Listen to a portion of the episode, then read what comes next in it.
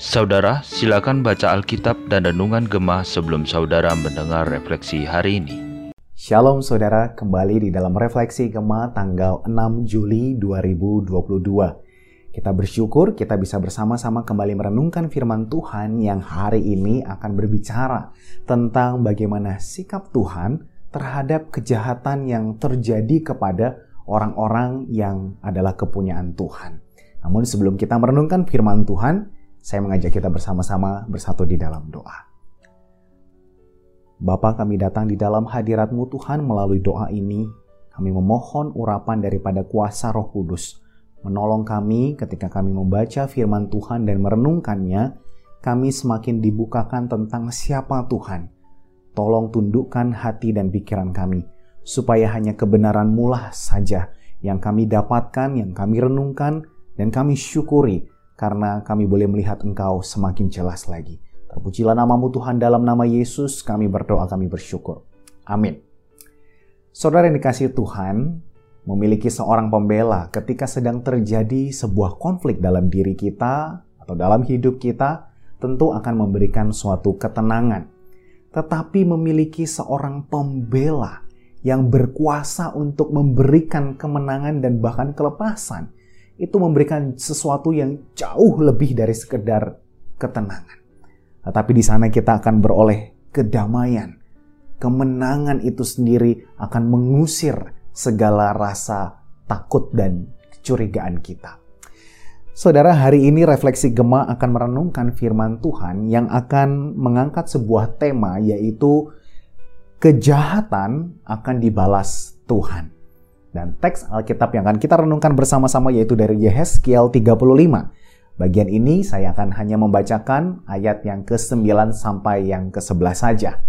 Mari kita menyimak firman Tuhan. Aku akan menjadikan engkau sunyi sepi untuk selama-lamanya, dan kota-kotamu tidak akan didiami lagi, dan kamu akan mengetahui bahwa akulah Tuhan. Oleh sebab engkau mengatakan, kedua bangsa itu dan kedua negeri itu akan menjadi milikku dan kita akan memilikinya.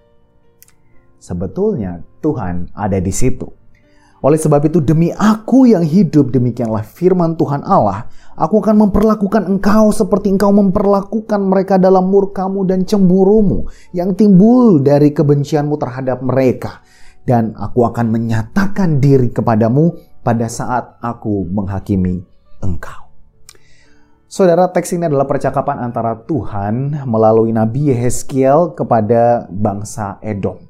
Dan seperti yang dituliskan oleh penulis Gema, latar belakang bangsa Edom adalah wakil dari semua musuh Israel yang mau mengambil alih tanah dari bangsa Israel.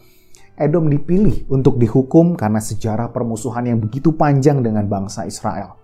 Edom adalah bangsa yang paling lama dan paling konsisten untuk menentang bangsa Israel dalam menduduki tanah perjanjian atau tanah kanaan itu. Edom dihukum karena mereka nggak mau bantu saudara-saudara mereka yaitu umat Israel ketika ditimpa akan malapetaka. Dan saat Tuhan kemudian mengambil waktu untuk menghukum Yehuda, Edom justru menyerahkan saudara mereka ini kepada musuh mereka yaitu bangsa Babel. Dan setelah Yehuda ini dilemahkan oleh bangsa Babel, bangsa Edom ini menginvasi Yehuda.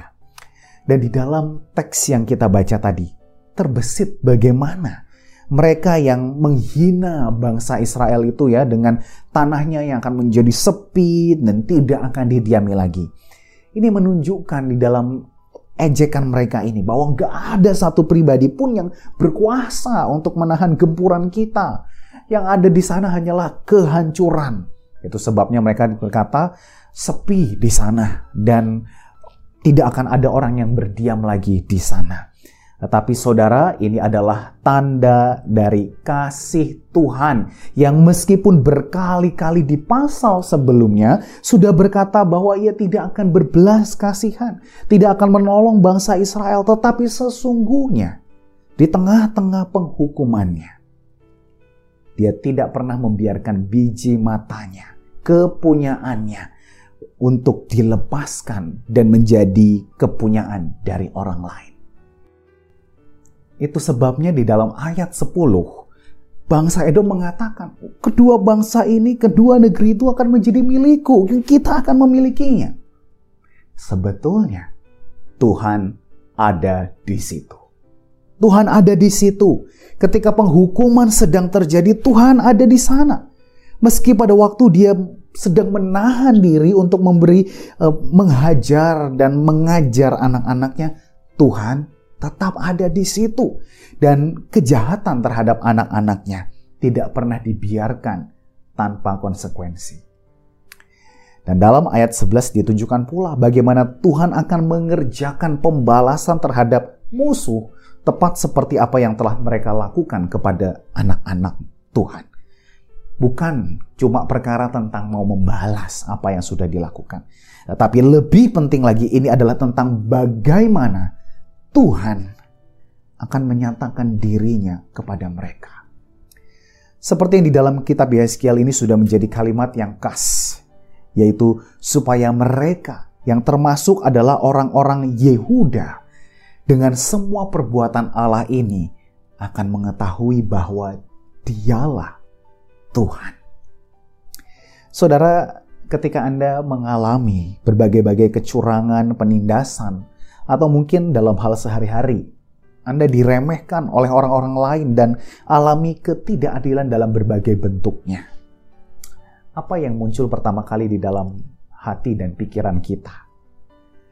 Mungkin ada yang tidak bisa menerima, ada juga yang mungkin merasa tersakiti dan ada juga yang bahkan kesal sekali ya dan kemudian segera ingin membalas akan hal tersebut.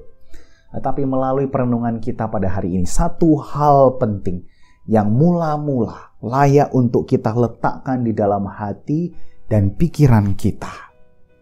Yaitu pada saat ketidakadilan, penindasan, kecurangan, penghinaan itu terjadi atas kita.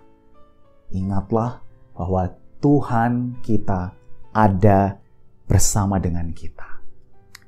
Jika kita merasa tersakiti, ketahuilah Tuhan tidak hanya mengetahui, tetapi Dia juga turut merasakan apa yang kita rasakan. Sebab sesungguhnya siapa pun yang menghina anak-anak Tuhan di dalam kesetiaannya, ia juga turut menghina Tuhan dan Tuhan tidak akan pernah berdiam diri. Itu sebabnya Paulus di dalam Roma 12 yang berkata dalam konteks untuk hidup tidak lagi serupa dengan dunia yang mengajak untuk alami pembaruan baru, juga mengajak kita hidup di dalam kasih. Roma 12 ayat 19 itu mengatakan, Saudaraku yang terkasih, janganlah kamu sendiri menuntut pembalasan, tetapi berilah tempat kepada Allah. Sebab ada tertulis bahwa pembalasan itu adalah hakku, hak Tuhan akulah yang akan menuntut pembalasan firman dari Tuhan. Maka kiranya jika hari ini di dalam kita masih ada api yang membara, yang merasa berhak untuk membalas orang-orang yang melakukan kejahatan terhadap kita.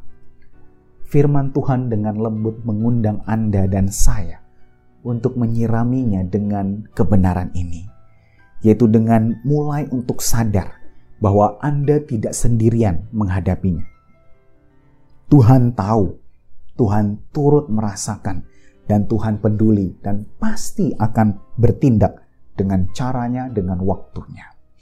Salah seorang bapak rohani saya pernah mengingatkan, jangan sampai kamu menghadapi hal-hal seperti ini, seperti orang yang tidak mengenal Tuhan, seperti orang yang tidak tahu kalau Tuhan itu berkuasa dalam bertindak menghadapi perkara-perkara itu.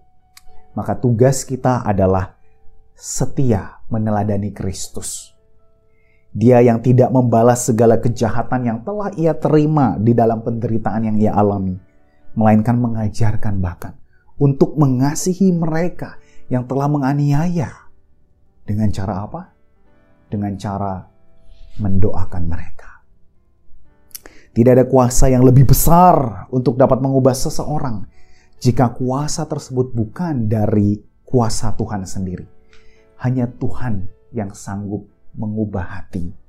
Maka setialah di dalam berdoa.